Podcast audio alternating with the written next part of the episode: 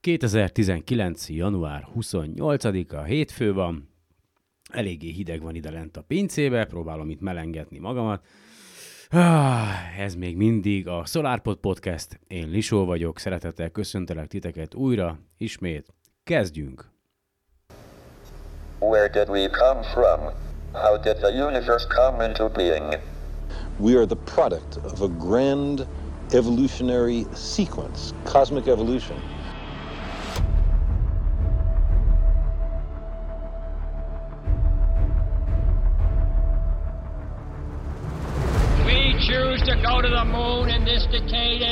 Other things, not because they are easy, but because they are hard.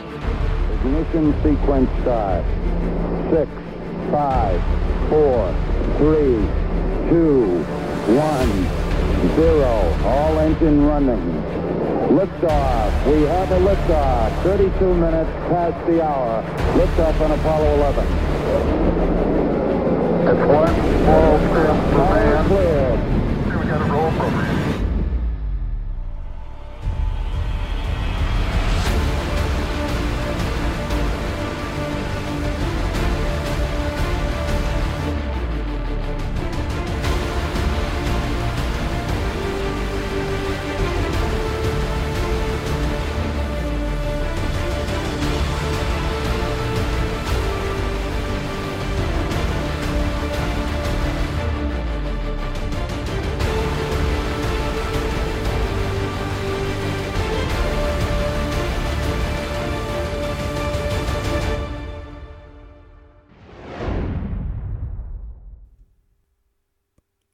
Nyerni, vagy nem nyerni? Ez itt a kérdés, ugye, mint bizonyára tudjátok, vagy akik mondjuk nyomon követik a, a Facebook oldalát a, a podcastnek, azok, azok tudják, vagy tudhatják, hogy ugye Péter javaslatára jelentkeztem a Magyar Kétfarkú Kutyapárt második Rósán éköték a közpénztékozlási pályázatára, ugye a Csillagász távcsövet mindenkinek programommal, és aztán ez egy ilyen kétfordulós pályázat lenne, és az első fordulón sikeresen túljutottam, ugye meg is kaptam az erről szóló levelet, hogy mi várható a továbbiakban. Öröm és boldogság volt, aztán tegnap este néztem a híradót, akkor szembesültem vele, hogy hát ugye vizsgálódik az állami számvevőszék a Magyar Kétfarkú Kutyapárt közpénz költésével kapcsolatosan. Nem akarok belemenni a politikába, akit érdekel a dolog, az a két farkú kutyapárt oldalán meg tudja nézni, hogy éppen most mi a helyzet. A lényeg az, hogy a, annyi a probléma, hogy nem adták le határidőben a, az előző év közpénzköltési beszámolóit, csúsztak két napot, aztán hát na mindegy, szóval nem akarok ebbe belemenni. A lényeg, hogy hogy most nem tudom, hogy mi lesz, még nem kerestek a két farkúaktól, úgyhogy lehet, hogy ez a pályázat, amíg le nem zárul ez az ügy, addig gondolom én, hogy jegelve van, mert ki tudja még mi lesz a vége, ugye, vagy büntetés, vagy stb. stb. Tehát, hogy nem fognak annyi pénzt kapni, úgyhogy jó, persze, ettől még az én, én világom nem dől össze, viszont a, az ország működése az, hát nem is tudom, gyerekek, nem a legjobb úton halad ilyen szempontból, de mindegy, tényleg nem akarok ebbe belemenni, már leszoktam róla, hála az égnek. Ugye az elmúlt adásokban már nem, nem nagyon beszélgettem ilyen dolgokról, már mint politikáról. Foglalkozunk is azzal, ami, amivel ennek a podcast, vagy amiről ennek a podcastnek szólnia kéne. Hát az egyik azt mondja, hogy most itt gyűjtögettem itt a híreket, ugye szó volt a legutóbbi podcastben arról, hogy, hogy az Egyesült Államokban a kormányzati leállás, a részleges kormányzati leállás miatt ugye csúszik a, a, a SpaceX-nek a, a Crew Dragon, vagyis az emberes Dragon űrhajójának az első ember nélküli tesztrepülése.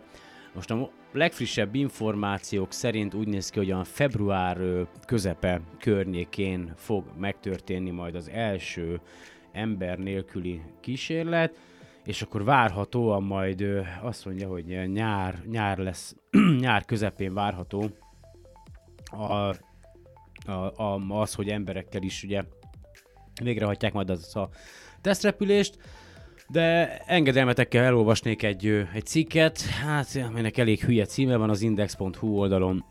található, ez január 25-i hír, elég hosszú, úgyhogy azt mondja, hogy ez a cím, derékba tört Elon Musk rakétája, borulnak-e a tervei? Szóval nem, nem sok értelme van ennek a címnek, de mindegy. Azt mondja, mármint az utolsó részének, az elmúlt napok, hetek egyik fő űripari szenzációja volt, amikor Boca Chicában, vagy nem tudom, jól ejtem-e, a SpaceX texasi telephelyén egyszer csak látványosan építeni kezdtek valamit, ami kezdetben leginkább egy jókora hengeres víztartálynak tűnt.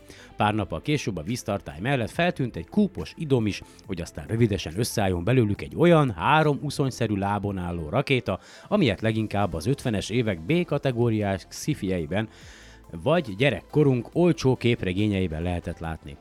Már építés közben elég nagy volt a zsizsegés a neten, volt, aki még össze sem rakott alkotó elemek alapján összemontázsolt egy lehetséges Big Falcon Rocket víziót, amikor maga Elon Musk, a SpaceX vezérigazgatója tweetelt ki egy látványrajzot arról, hogy mi is készül Boca Chicában. Január 5-én azt írta Musk, hogy összeszerelés alatt áll a csillaghajó tesztjármű, ami csatolt illusztrációhoz lesz hasonló, hozzátéve, hogy a leendő, rendes, működőképes csillaghajón természetesen lesznek ablakok is. Hat nappal később újabb képet posztolt Musk, ezúttal már az összeszerelt tesztrakétáról, hangsúlyozva, hogy ez már nem illusztráció, hanem igazi fotó. Azt, hogy mire szolgál a körülbelül 9 méter magas, kisé tömzsi, különleges megjelenésű szerkezet, Musk egy választ fitben fejtette ki, szuborbitális VTOL teszteket fognak vele végrehajtani, azaz a függőleges fel- és leszállást gyakorolják majd, anélkül, hogy föld körüli pályára állnának. Épül majd egy orbitális repülésre alkalmas példány is, ami magasabb lesz, és a mostaninál vastagabb és simább lesz a borítása. Zárójelben, a Boca Chicában áldogáló rakéta köpenye bizarr módon gyűrött ugyanis, köszönhetően a vékony acélborításnak zárójel bezárva. Hát gyakorlatilag úgy néz ki, mint egy fényesre polírozott végbél kúp egyébként, de jó, jól néz ki hogy mikor lesz repülésre kész az új rakéta, nem tudni biztosat, annyi biztos, hogy kedről szerdára viradó éjjel a természet alaposan megakasztotta a munkát, a dél-texasi telepen viharos erejű szél söpört végig, belekapaszkodott a rakéta törzsébe, és a felső részt letépte, majd földhöz vágta. Szerencse a szerencsétlenségben, hogy a megtépázott darab jószerével üres volt, a földön maradt alsó szekció, amiben az üzemanyag tartálya, hajtóművek is vannak, sértetlen maradt. A felső és alsó részt egyébként épp a napokban választották szét, hogy az üzemanyag tartályt és folyékony oxigén tartalmazó tartályt beépítsék. Elon Musk friss tweetje szerint néhány hétig biztosan eltart, mire rendbe hozzák a rakétát. Aki azt gondolja, hogy a fényes retro rakétával valami teljesen új dologba vágja majd a fejszéjét a SpaceX, téved. Tekerjünk csak vissza a szalagot a képmagnónkban bő 6 évvel. A SpaceX 2012. szeptemberében kezdte tesztelni a Grasshopper, az a úgynevezett Szöcske nevű rakétát, három évvel azután, hogy három sikertelen indítás után végül sikeresen föl, föllőtték az első saját tervezésű és építésű rakétájukat, a Falcon 1-et. A Grasshopper nem volt más, mint egy kísérleti eszköz, a tesztrakéta, amivel a leendő, földre visszatérő első fokozathoz szükséges technológiákat tesztelték. Hasonló, hosszadalmas tesztsorozat vár a Boca Csikai rakétára is, a három Merlin hajtóművel felszerelt, körülbelül 9 méter átmérőjű üzemanyagtartályt rejtő szerkezet először csak kicsit fog elemelkedni a talajtól, és jó esetben nem robban fel, majd az egymást követő tesztrepülések során egyre magasabbra tör, lebegve, Súlypontját helyén tartva, majd megfelelő sebességgel visszaereszkedve a Texasi SpaceX bázisra, lehetőleg egészben landolva a betonon. Eközben rengeteg részrendszert, mechanizmust, hardveres és szoftveres eszközt kell a SpaceX mérnökeinek tesztelniük, a hajtóművektől a minden eddiginél nagyobb üzemanyag tartályokon át a függőleges emelkedést és ereszkedést lehetővé tévő stabilizátorokig.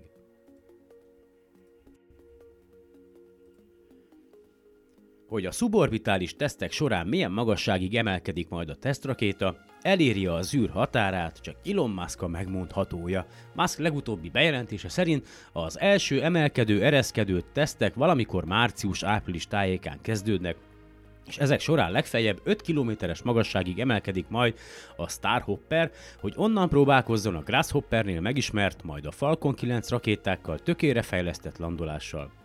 Hogy Musk nem csak a levegőbe beszél, mi sem bizonyítja jobban, hogy javában zajlanak a Boca Chicai SpaceX bázis átalakítási, bővítési munkái, hogy a telep otthon tudjon adni a leendő teszteknek.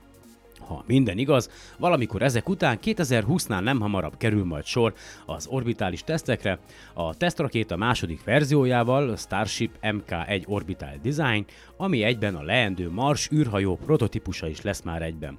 Az eddigi főként Musk tweetjeiről tweetjeiből szóródó hírmozsák szerint a 2019 derekán elkészülő MK1 három tovább fejlesztett Raptor hajtó művel lesz ellátva, rozsdamentes acél köpenye lesz, és nem lesz hőpajzsa, helyette szuper hideg, folyékony metánt keringetnek majd az idézőjelben bőre alatt, hogy a légkörbe való visszalépéskor termelődő óriási hőt elviselje. A végleges 55 méter hosszú, 9 méter átmérőjű Starship, Starship Mk2 Deep Space Design Elvileg 7 Raptor hajtóművel lesz felszerelve, és ahogy Musk írta, lesznek rajta ablakok, ezzel az űrhajóval a 2018-as szerződés szerint egy japán milliárdos és pár művész tesz majd pár kört a hold körül, tervek szerint 2023-ban, hogy aztán sorozatban gyártva a Mars kolonizálásának legyen nagyra törő eszköze, mármint maga az űrhajó.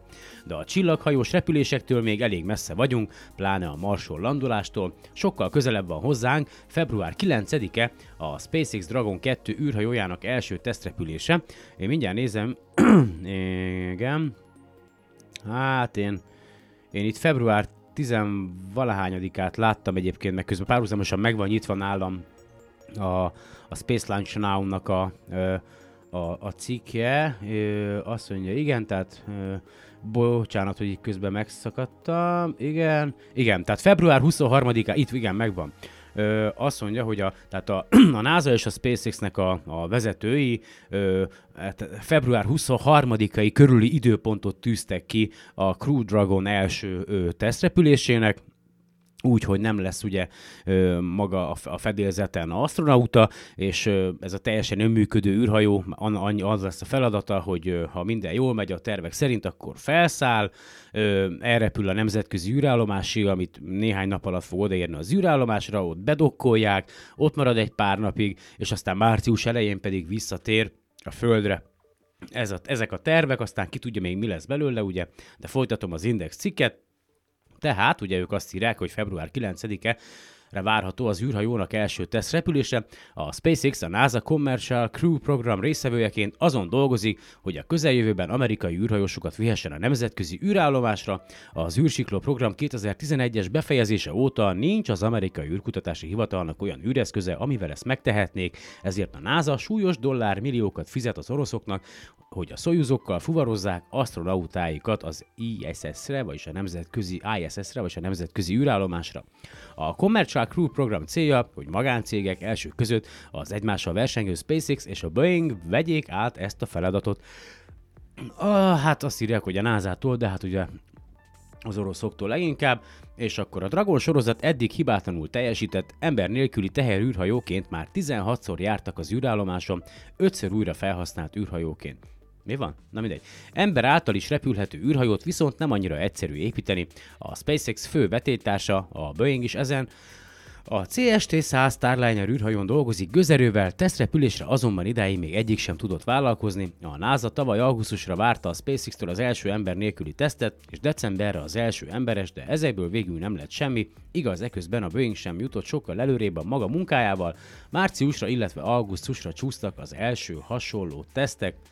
2019 elejére azonban úgy látszik csak történik előrelépés a Dragon 2 fejlesztésében. A jelenlegi tervek szerint február 16-án kerülhet sor, de nem így van, hanem február 23, annál korábban biztos nem, az ember nélküli tesztrepülésre, ez lesz a Demo 1 DM1 küldetés, a dolog előre haladott állapotban van, a Dragon 2-t már felszerelték egy Falcon 9 rakétára, és szintén tesztelték a függőleges indítóállást a Kennedy űrközpont 39 A start helyén, és január 24-én csütörtökön meg is volt a sikeres statikus hajtómű teszt is, ha minden jól megy, június-július tájékán ül először legénység a Dragon 2 üléseibe, hogy földkörüli repüléssel bizonyítsák, a SpaceX űrhajója képes astronautákat az űrbe vinni. Ennek a Demo 2-es küldetésnek látványos előkészületi fázisát már láthattuk is, amikor Elon Musk képet posztolt arról a folyosóról, amin az űrhajósok majd eljutnak a rakéta tetején várakozó űrhajóhoz, ez az úgynevezett Crew Access Arm, és mitagadás meglehetősen futurisztikusan néz ki, legalábbis a NASA által eddig használt indító állási folyosókhoz képest, és ha már itt tartunk, SpaceX-et érdemesebb meg Ilont is a Twitteren követni, ugye a, a Facebook oldalukat a tavalyi Facebook botrány után, vagy kirobbanása után azonnal törölték, úgyhogy gyakorlatilag a, a Facebookon már nem, nem, nem lehet semmit sem megtudni a SpaceX-ről. Ö, ugye a YouTube-on szokták általában a, rakéta fellövésekről az élő közvetítést adni, meg ugye a saját weboldalukon is van némi információ, de a legfrissebb híreket mindig a Twitteren osztják meg, úgyhogy majd kénytelen leszek én is azt használni, hogyha nem akarok erről lemaradni, és ö, egyébként a egy kicsit még a Dragon űrkapszuláról beszélve, tehát a SpaceX-nek a, a Dragon űrkapszulával mindig is az volt a célja, az volt a terve, hogy előbb-utóbb embereket juttassanak vele a virágűrbe, tehát a, már eleve úgy indult ez a dolog, hogy a végcél az az lesz, hogy ö, emberek szállítására is alkalmas legyen ez az űrhajó. Úgyhogy elméletileg február 23-a körül várható az első ember nélküli teszt. Kíváncsi leszek erre, hogy egyáltalán meg fog-e történni, vagy csúszik-e még, ugye, mert mm, ugyan most csak ideiglenesen három hétre ö, megállapodtak az Amerikai Egyesült Államokba, na Trump meg a a kongresszus, meg a stb. stb. stb. Úgyhogy most egy kis, ki, talán egy kis fizetést kaphatnak szerencsétlen dolgozók. Ez körülbelül egy 800 ezer kormányzati dolgozót érint ez a most már több mint egy hónapja tartó, vagy tartott kormányzati leállás, és ez idő alatt sokan ugye egyáltalán nem is mentek be dolgozni, fizetése kapnak, és vannak emberek, akik meg úgy dolgoznak, és úgy dolgoztak, hogy gyakorlatilag nem kapnak érte, nem kaptak érte fizetést. Ez nagyon-nagyon érdekes. És ugye rengetegen, hát ugye hiteleik vannak, stb. stb. Hát hogy lehet ezt megtenni? Nem is, nem is értem. Hát én meg is őrülnék. Hát hogyha, na mindegy, nem akarok ebbe belemenni. Úgyhogy reméljük, hogy minden jó megy.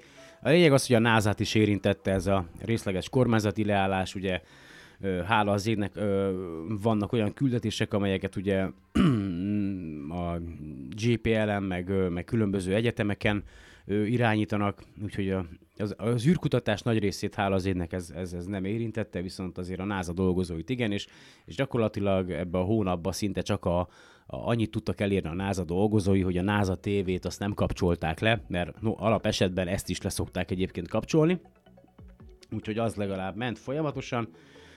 Aztán ugye a Blue Origin is, ugye a Jeff Bezosnak a, a, a cége, a, a, ők is folyamatosan hajtják végre a sikeres tesztrepüléseket a New Shepard ö, rakétáikkal, úgyhogy hamarosan, ö, hát idén szerintem már ott is ö, megindulhat valószínűleg az űrturizmus, tehát most már embereket fognak felküldeni a, a Kármán vonalhoz, és akkor ugye a világűr határához ott eltöltenek egy 10-11 percet, aztán visszatérnek a földre, jó, jó sok pénzért, aztán közben fejleszti ugye az új rakétáit is, a új rakétáját is maga, a Blue Origin, ez a New Glenn, ezekkel már Uh, azt mondja, a New Glenn Rocket, igen, azt tervezik, hogy teljesen újra használható lesz, uh, és az alacsony föld körüli pályát is el fogja tudni érni a New Glenn rakéta. Uh, a minap tettek közzé egy új videót, uh, uh, gyakorlatilag a, a New Glenn rakétájukról, hogy bemutassák a legfrissebb fejlesztéseket, meg a, az űrhajónak a tulajdonságait. Akit érdekel, majd belinkelem a podcast leírásába ezt a cikket, ami a Universe Studio-en található. Aztán ugye idén, és hát most ebben a hónapban, január 21-én, magyar idő szerint hajnalban volt a, az évtized utolsó teljes holdfogyatkozása, legalábbis amit innen Európából meg lehet figyelni. Úgyhogy 2022 is sajnos nem is lesz, és, és valami szuper, szuper vérfarkas hold volt, vagy mi a tököm, mindegy már egyébként. Tényleg agyfrász kapok ezektől a, a kifejezésektől. Át, de hogy ezek, ezek nem mai, nem mai ö, kifejezések, meg volt is egy podcast, amikor, amikor így nagyjából még a legelőször így olvasgattam ezeknek a dolgoknak utána, hogy megpróbáltam ezt így elmondani, hogy ugye mit jelent a superhold, meg a nem tudom milyen mikro, vagy nem tudom milyen hold, meg a vérhold, meg a anyám kínyahold. A, lényeg az, hogy ezek csak ilyen hülye elnevezések, jó hangzik, meg, meg minden, de valójában túl sok értelme nincsen. A lényeg az, hogy teljes holdfogyatkozás volt, és a teljes holdfogyatkozás közben meteoroid, vagy meteorid csapódott a holdba, ugye, vagy hát e, általában elég gyakran csapódik a hold felszínébe ö, ilyen kisebb meteorit, vagy meteoroid, és ugye a holdfogyatkozásnak köszönhetően, ugye, hogy a föld árnyékába belekerült a hold, elég sok embernek, aki a holdfogyatkozást figyelte és fotózta, sikerült megfigyelnie ezt a meteoroid becsapódást, és erről szól egy cikk a csillagászat.hu oldalon, aminek az a címe, hogy meteoroid csapódott a holdba a teljes holdfogyatkozáskor. A hétfő hajnali teljes holdfogyatkozás távcsőre szerelt elektronikus képrögzítő eszközökkel követő amatőr csillagászok egy meteoroidnak a hold felszínébe történt becsapódása által keltett felvillanásait rögzi- felvillanást rögzítette a már teljes árnyékba került sötét oldalon. A naprendszer égitestjeibe más kisebb égitestek ütköznek, így a légkör által nem védett égitestek felszínét gyakran elérik az óriási sebességgel száguldó kisebb-nagyobb kozmikus törmelékdarabok, a hold felénk forduló, de a nap által meg nem világított oldalán feltűnő, ha néha egy kis törmelék darab becsapódik, és a másodperc töredékeig tartó fényfelvillanást okoz, a mai modern teleszkópokkal és elektronikus képrögzítő technikák segítségével ezeket már meg lehet figyelni, nem is kell túl nagy távcső ehhez. Amatőr csillagászok által elérhető műszerek is elegendőek lehetnek. Ez történt most a hétfő hajnali teljes holdfogyatkozáskor is, amikor a, amikor a már bolygónk teljes árnyék kupjába merülő és elsötétülő holdon Petr Horalek, cseh fizikus és amatőr csillagász, persze nem Csehországból, hanem elutazott ezért máshova, égi kísérőnk elsötétült oldalán egy meteoroid... Jaj, mi ez? Jaj, valami elindult. Aj, nem tudom. Öh. Na. Segítség! Valami elindult. Na, várjatok egy kis szünet.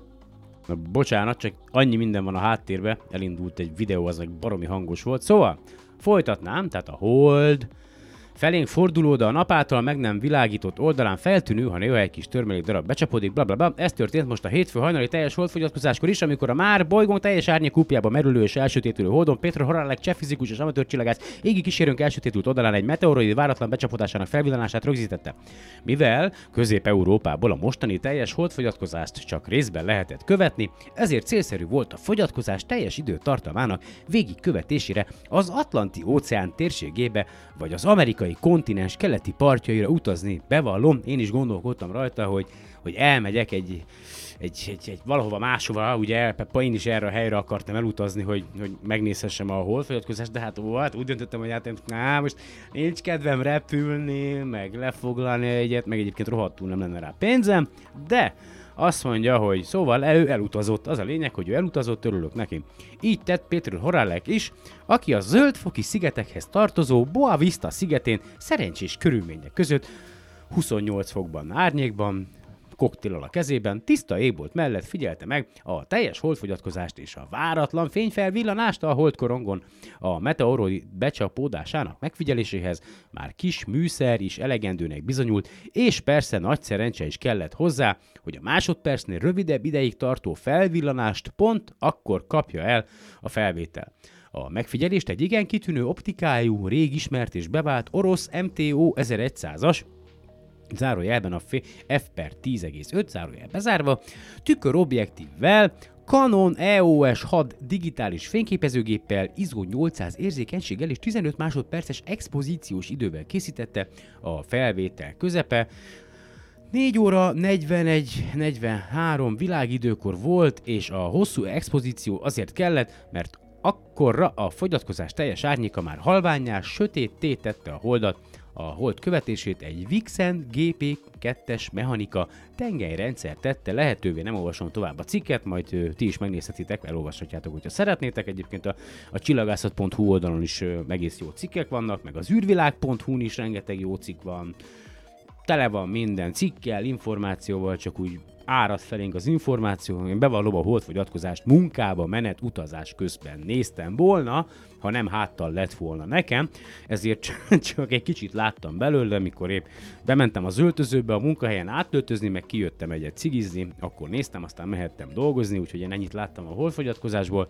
Remélem másoknak azért nagyobb szerencséje volt, és ugye végre rászántam magamat. Tudom, hogy a, hogy a olvasgattam egy kicsit az All About Space magazint, egyébként rengeteg a levaradásom, és van benne egy nagyon jó kis cikk, amely 10 darab olyan űrkutatási programot mutat be, vagy szeretne bemutatni, amelyek aztán végül is valamilyen oknál fogva nem valósultak meg, vagy nem sikerültek, úgyhogy majd erről, ezzel kapcsolatban szeretnék a továbbiakban beszélni, de előbb még annyit, hogy tudom, hogy a legutóbbi adásban mondtam, hogy ősrobbanás meg a, az infláció. Ugye olvasom ezt a könyvet, ö, ö, Richard, Mal, Mal, igen, Panek, vagy Panek, mindegy, a, ugye a 4% univerzum, és és tehát, hogy még, még ezt nem raktam össze, hogy, hogy, mert arra gondoltam, hogy ebből is lehetne egyébként majd egy podcastet csinálni, ebből az egész ö, ősrobbanásos elképzelésből, hogy aztán hogyan fejlődött, hogy hogyan sikerült ezt az egészet végül is ö, ugye felépíteni a kutatóknak megfigyelésekkel, ugye gondolkodással, elméletekkel, meg további megfigyelésekkel, számításokkal, ez egy nagyon-nagyon-nagyon-nagyon összetett dolog. Ö, valamit szerettem volna mondani, de most tényleg nem jut eszembe, mert ugye mindig, mindig csak telik az idő a podcastben, hogy hogy, hogy, hogy, hogy, hogy, hogy, hogy, hogy, hogy az egy, az egy ér... Ah, ó, a franc. Na mindegy, majd valószínű eszembe jut. De most akkor ö, következzen szerintem 10 küldetés, amely, amely aztán nem sikerült, ugye? Kezdjük is. Nos, akkor tehát itt van előttem az All About Space magazinnak a 84. lapszáma, és ebbe van egy olyan cikk, hát aminek az a címe, hogy 10 küldetés, amely never made it, sose valósult meg, vagy végül is nem lett jó, vagy valami bal szerencse sült el a, a fellövéskor, vagy a küldetés alatt, vagy elfogyott a pénz, tehát nagyon sok minden van.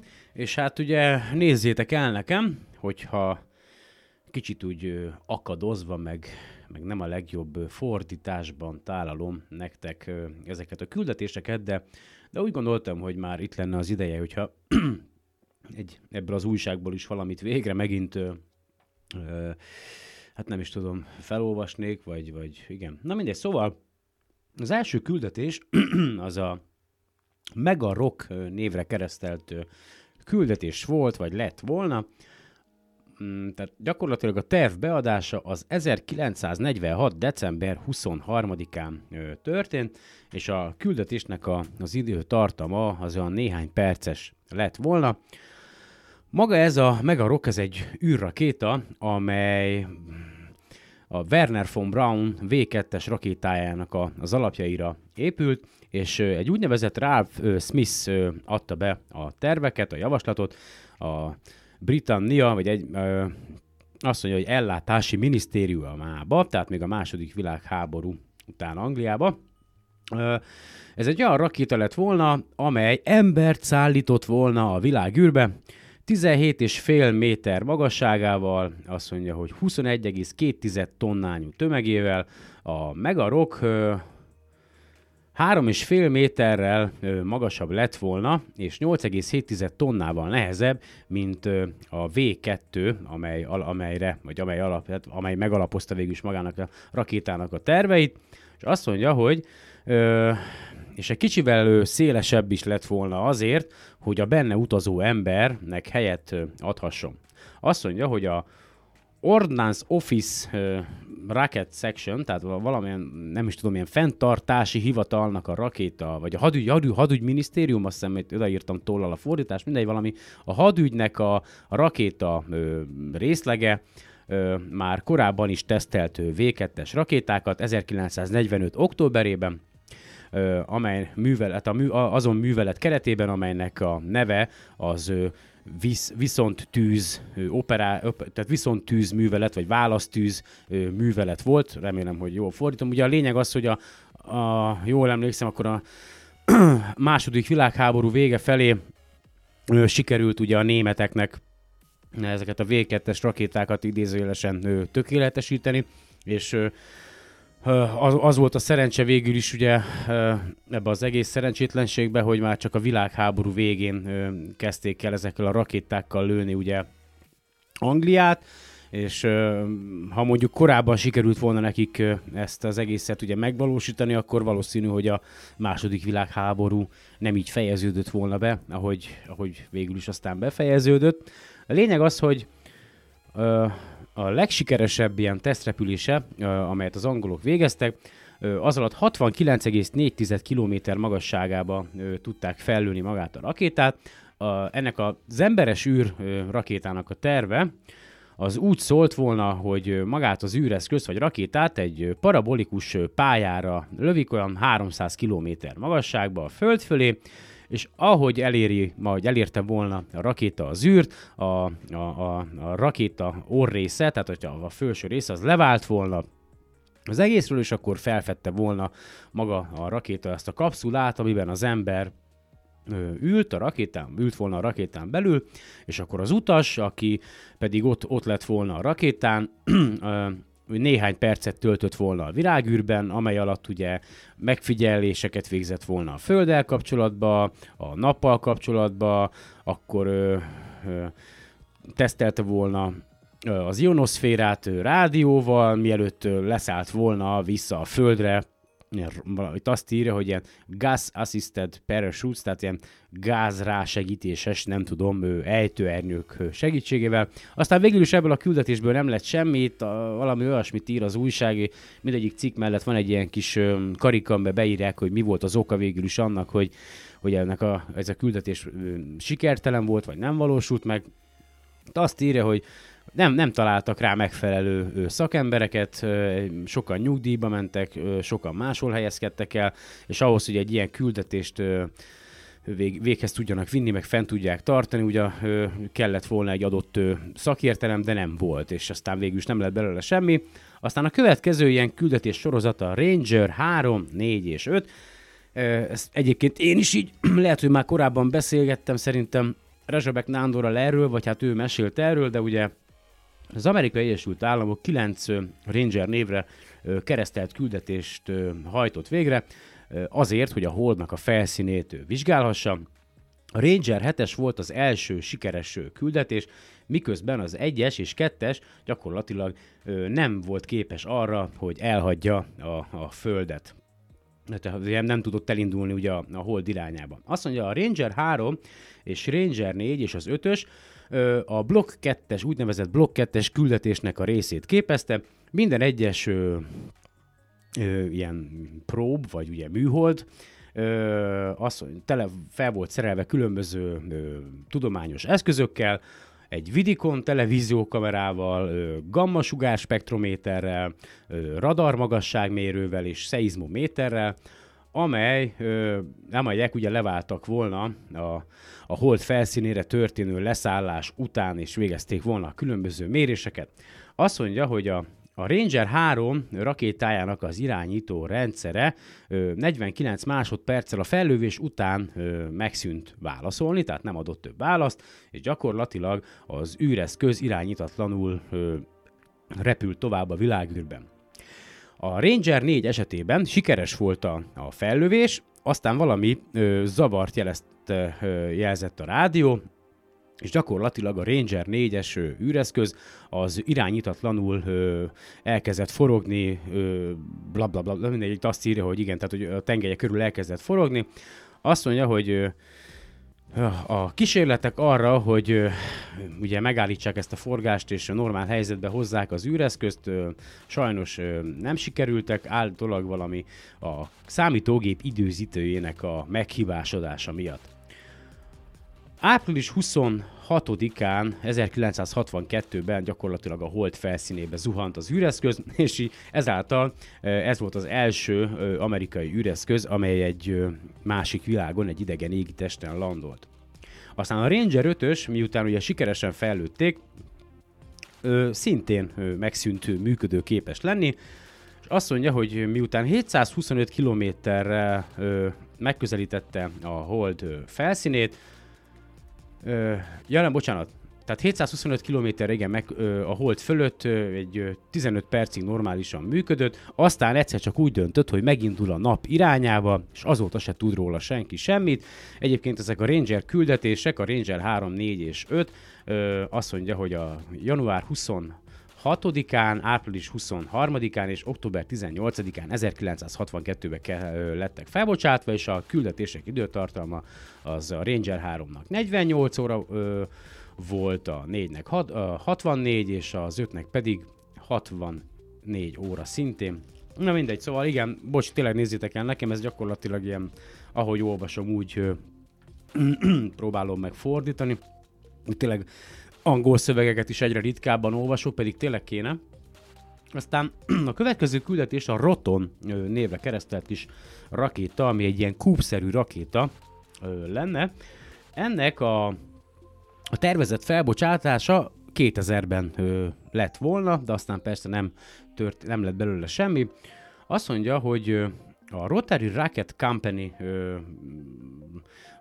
megalapításával Gary Hudson és Bevin McKinley azt tervezte, hogy elkészíti ezt a rotor rakétát, ami egy ilyen kúp alakú rakéta lett volna, amely ö, helikopter rotorral is fel lett volna szerelve, és az eredeti tervek szerint a 300 kilométeres magasságba repült volna fel. Azt mondja, az ötlet szerint az lett volna egyébként, hogy a maguk a rotorok e, viszik fel olyan magasságba a világűrbe ezt a, ezt a rakétát, de aztán persze később rájöttek, hogy, hogy ezt nem tudják megvalósítani. Ugyanakkor ebben a rotor űrhajóban normál rakéta meghajtást is beépítettek. A későbbi tervek már arról szóltak, hogy rakétával juttatnák fel a világűrbe, és a, a rotorokat pedig az ereszkedéshez használnák, amelyekkel ugye lelassítanák magát a, az űreszközt. Igen, azt mondja, igen, tesztrepüléseket is hajtottak végre egyébként ezzel az űreszközzel abban az időben. Az első tesztrepülés során 2,4 méter magasságba emelkedett fel maga ez az eszköz a Földtől, aztán gyakorlatilag a a, a földi irányításnak problémái voltak a, a rakétának a, a kezelhetőségével, mert ugye a rotorok miatt elkezdett össze-vissza forogni maga a rakéta, és aztán a, megpróbálták stabilizálni ezt az egészet. Még két további tesztet végeztek azelőtt, mielőtt gyakorlatilag a cégnek elfogyott volna a pénze erre az egész projektre. A Roton projektet ugye gazdag befektetők támogatták, de már a, az indulásakor is voltak kritikák vele szemben, a, ugye a koncepcióval, meg a dizájnnal is, aztán végül is elfogyott a lóvé, és nem lett belőle semmi. Aztán itt van egy másik, szintén amerikai projekt, de ez a NASA-nak a projektje, ez a űrsikló 2-es verziója. Ezt is 2000-ben, vagy hát ugye a 2000-re tervezték akkoriban az első felbocsátást, és ugye maga ez az űreszköz akár egy hétnél tovább is a világűrben tud lenni. Azt mondja, hogy ugyan újra hasznosításra tervezték a, az űrsikló, ugye, amit ugye 2011-ben vontak ki, azt hiszem végleg a, a forgalomból. Ugye a, a, mindig, meg, mindig meg kellett, hogy szabaduljon a, a külső üzemanyag ö, ö, tartályától a felszállás után. Azt mondja, és össze- összesen 135 egyébként űrsikló fellövés volt. Az oldalsó booster és a keringő egység pedig nagyon sok karbantartást igényelt minden küldetés után, ez 775 millió dollárba került. Azt mondja, hogy régen elnök már korábban jóvá, jóvá hagyott terveket az űrsiklónak a helyettesítésére 1985-ben. A Langley Research Center bízták meg gyakorlatilag a, a tervek kidolgozásával, ugye a, azt mondja, és azt mondja, a Langley, a Langley Designban, tehát magában ezekben a tervekben, amit a Langley Research- Center, Center dolgozott ki, azt mondja, hogy egy design tartalmazott egy keringőegységet, és két oldalsó ilyen gyorsító fokozatot, amely mind a kettő szárnyakkal volt ellátva, és újra hasznosítható lett volna. They would and glide, tehát ők a, fel, a, tehát a két oldalsó üzemanyag tartája fellövéskor levált volna a, az űrsiklóról, és aztán visszarepült volna külön-külön, vagy visszaszállt volna a földre. Azt mondja, a keringő egység üzemanyag tartája az az, az űrsiklón belül helyezkedett volna el a legénységgel és a rakományjal együtt. Azt mondja, hogy az űrsikló kettes verziója gyakorlatilag ö, Design Study, Never Me. Tehát egyéb más tervekkel félre lett dobva, és végül is sohasem hagyta el a föld felszínt. A következő versenyzőnk pedig az oroszoknak az N1 zárójelbe H1 ö, névre keresztelt rakétája lenne. Azt mondja, hogy az N1 rakéta, akit gyakorlatilag Szergej Korolev alkotott meg, a Szovjetunió, ö, sz- ö, tehát a Szovjetuniónak a, azon rakétája volt, amely megfelelt az amerikai Saturn ö, 5-ös ö, rakétának is. Azt mondja, hogy a 34,5 millió Newton meghajtó erővel bírt a, Saturn 5-ös rakéta, Gyakorlatilag ugye a Saturn 5-ös rakétát azt azért építették, hogy az Apollo küldetésekhez használják, ugye ö, irdatlan nagy erő kellett ahhoz, hogy hogy mind az űrhajósokat, mind pedig ugye a holdkompot, a holdi leszálló egységet és a különböző felszereléseket a geostacionárius föld körüli pályán túlra is el tudják küldeni, és ehhez irdatlan nagy erő kellett, ugye a Saturn 5-ös rakéta erre képes volt, és a, ugye oroszok is úgy döntöttek, hogy, hogy megalkotják a saját Saturn 5-ös rakétájukat, hogy egy olyan rakétát építenek, amely szintén képes ezen feladatok ellátására, de ahelyett, hogy öt nagy rakéta hajtómű lett volna ezen a rakétán, mint ugye a Saturn 5-ösben, az N1-be 30 kisebb, két gyűrűben elhelyezett rakéta hajtóművet helyeztek el. Először jó ötletnek tűnt az az egész, mert ugye azáltal, hogy a különböző hajtóműveket kibe kapcsolgatják, ugye viszonylag könnyen lehetett volna az elképzelések szerint irányítani ezt a rakétát, de ö, a, ugye az akkori ö, oroszországi politikai vagy gazdaságpolitikai helyzetben, ugye a Szovjetunióban még gyakorlatilag nem tesztelték megfelelően ezeket a hajtóműveket, és ö, szinte ahogy az egyik hajtómű tönkrement, gyakorlatilag úgy az összes többi is egymás után tönkrement. Négy sikertelen indításuk volt, saj, ugye egyik se sikerült, aztán ugye négy évvel azután, hogy az utolsó Apollo űrhajósok is visszatértek a Földre, gyakorlatilag az oroszok ezt az N1 programot megszüntették és törölték az egészet a francba. Aztán egy viszonylag friss projekt, ami aztán mégse valósult meg, az úgynevezett GMO, ugye azt mondja, a Jupiternek az Európa holdja, ugye a, gyakorlatilag az elsődleges jelöltje a, a, a, a naprendszerben, ugye a Földön kívüli élet után való kutatásban. Ugye elég ö, erős, ö, hát ö, Elég erős ugye evidenciák, bizonyítékok vannak arra, hogy a Jupiter jég borította, vagy vastag jég borította felszíne alatt ugye egy folyékony óceán található, és ez a tervezet, ez az úgynevezett NASA Jupiter Icy Moons Orbiter, vagy ugye GMO névre keresztelt kis eszköze, ez azért lett ugye tervezve, vagy arra tervezték, 2015 vagy 2016-ban szerették volna egyébként felbocsátani, tehát gyakorlatilag azt tervezték, hogy ezzel az űreszközzel majd tanulmányozni fogják a Jupiter Európa holdját, a Ganymédét és a Callistót.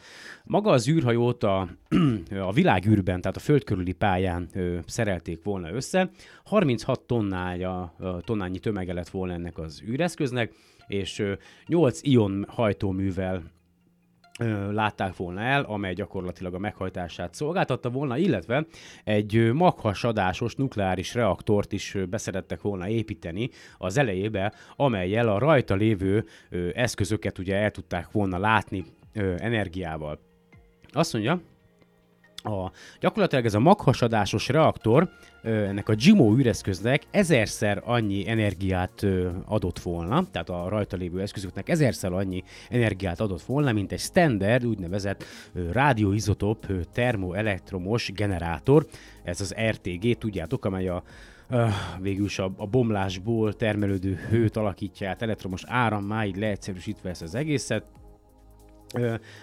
azt mondja, hogy ez lehetővé tette volna, hogy olyan alrendszerek ö, szerepeljenek ezen az űreszközön, mint például egy nagyon erős, még a jégen is áthatoló radar, sőt, még arra is voltak tervek, hogy maga az űreszközön lesz egy leszálló egység, amely az Európa holdra leszállt volna.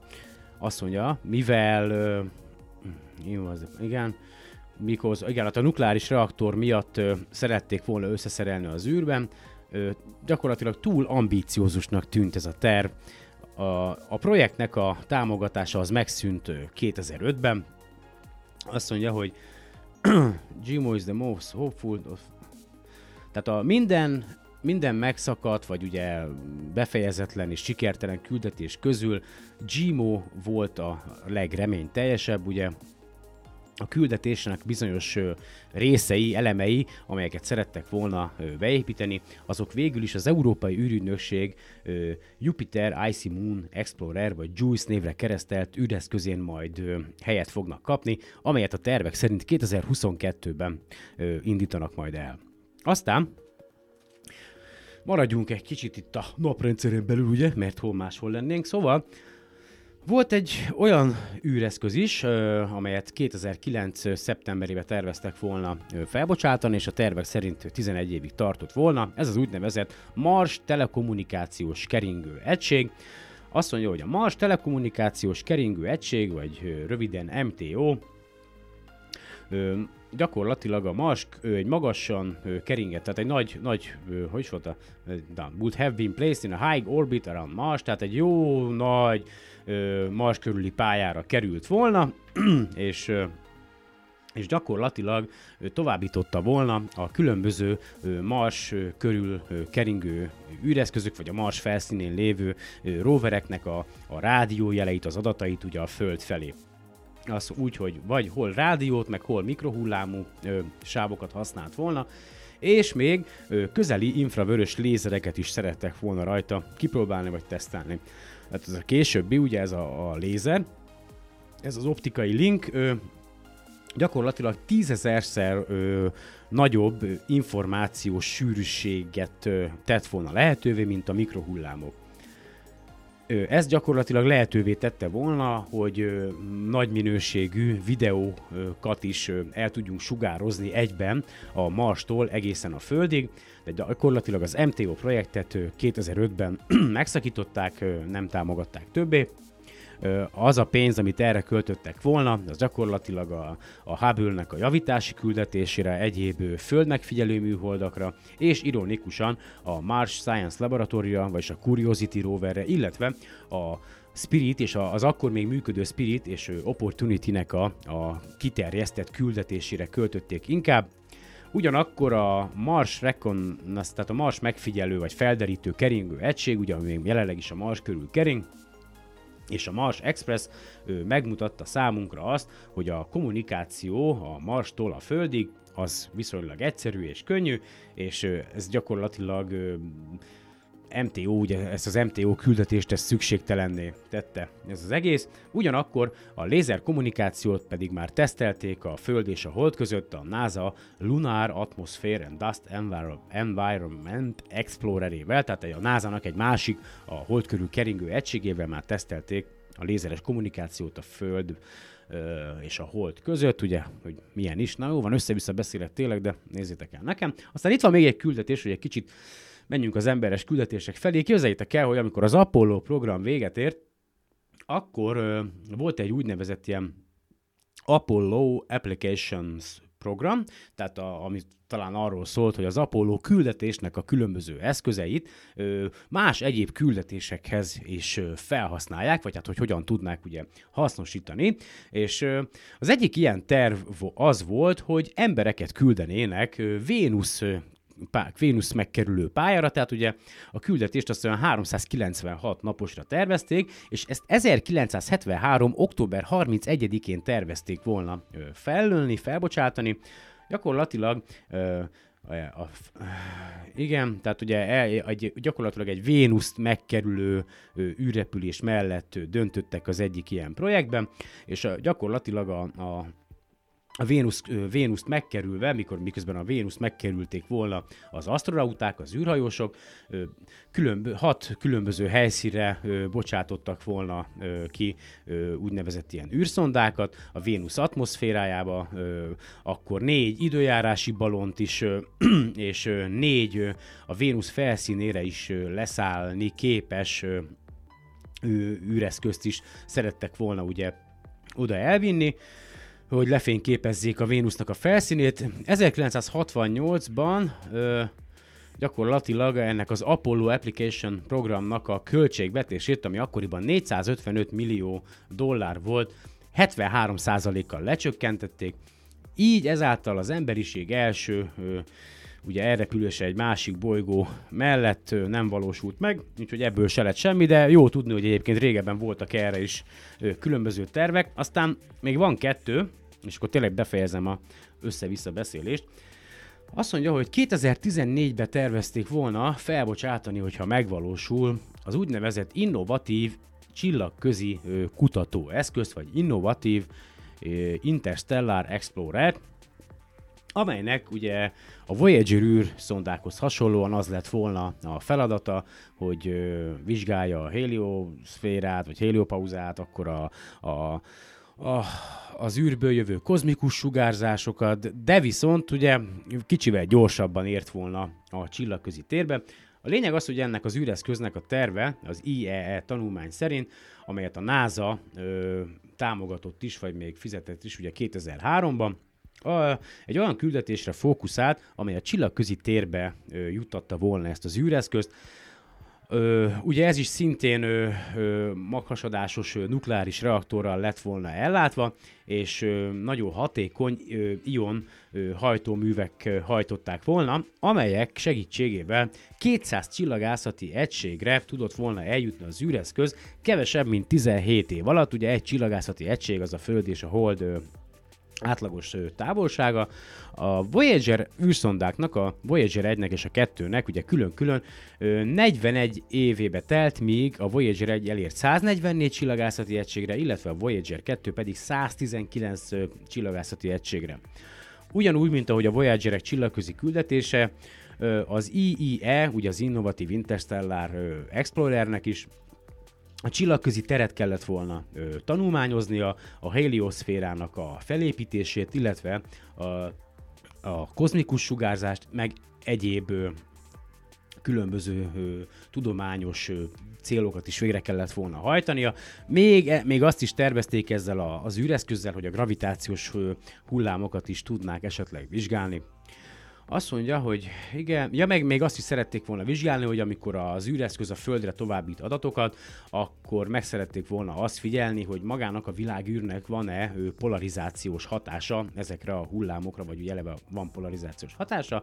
Na mindegy. Szóval, hogyha maga az űreszköz miután megvalósult volna és felbocsátottuk volna, túlélte volna, vagy túlélni a 22. századot, akár ezer csillagászati egységre is el tudna ö, repülni. Azt mondja, igen, tehát, de és ennyi igazából, sajnos ebből se lett semmi. És akkor itt van még egy másik, az Orion projekt.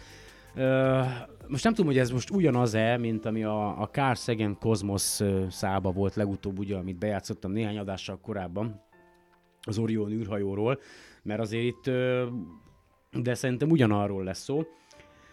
Gyakorlatilag ezt 1965-ben tervezték volna, hogy a, az első ö, fellövése legyen ennek a űreszköznek, vagy űrhajónak, és a küldetése pedig ugye az néhány héttől akár egy évig is tarthatott volna.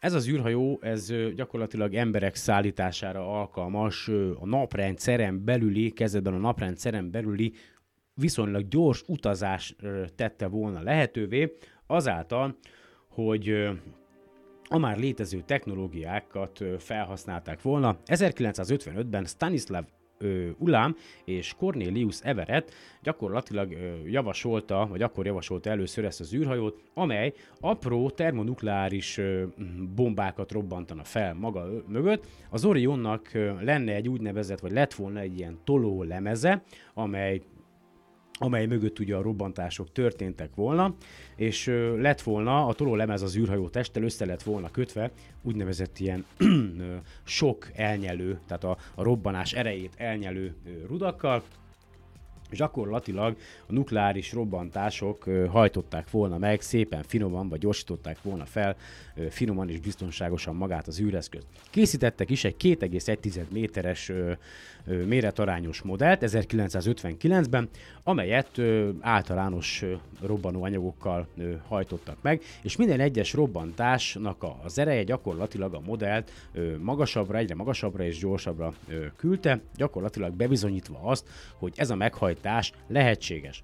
A projektnek, az Orion projektnek a célja az az volt, hogy a Mars el- elsősorban az volt, hogy marsi küldetéseket haj, hajtsasszunk, na, marsi, Marsra irányuló küldetéseket indíthassunk 1965-ben, ö, amelyet gyakorlatilag ezzel a technikával, mármint a Marsot, néhány hét alatt elérhetnénk, és egyéb ö, emberes küldetéseket is terveztek volna a későbbiekben a Saturnusra, amely, amelyet 7 hónap alatt érnénk el ezzel a technológiával.